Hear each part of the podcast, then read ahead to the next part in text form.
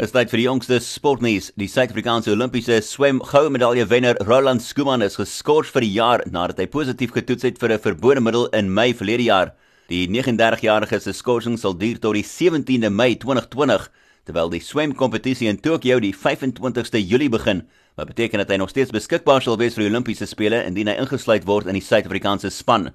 Skuman het die goue medalje gewen in die 4x100 meter vryslag aflos by die 2004 spele in Athene plus individuele silwer en brons medaljes in die 100 meter en 50 meter vryslag. Hy het ook deelgeneem aan die 2000, 2008 en 2012 Olimpiese spele. Die Stormers afrigter John Dobson het sy veranderinge tot 'n minimum gehou, as net twee veranderinge wat hy moes maak as gevolg van beserings. Twee wêreldbeker se vierde bokke wat beseer is, kaptein Sia Kolisi en die hakker Bongi Mbonambi.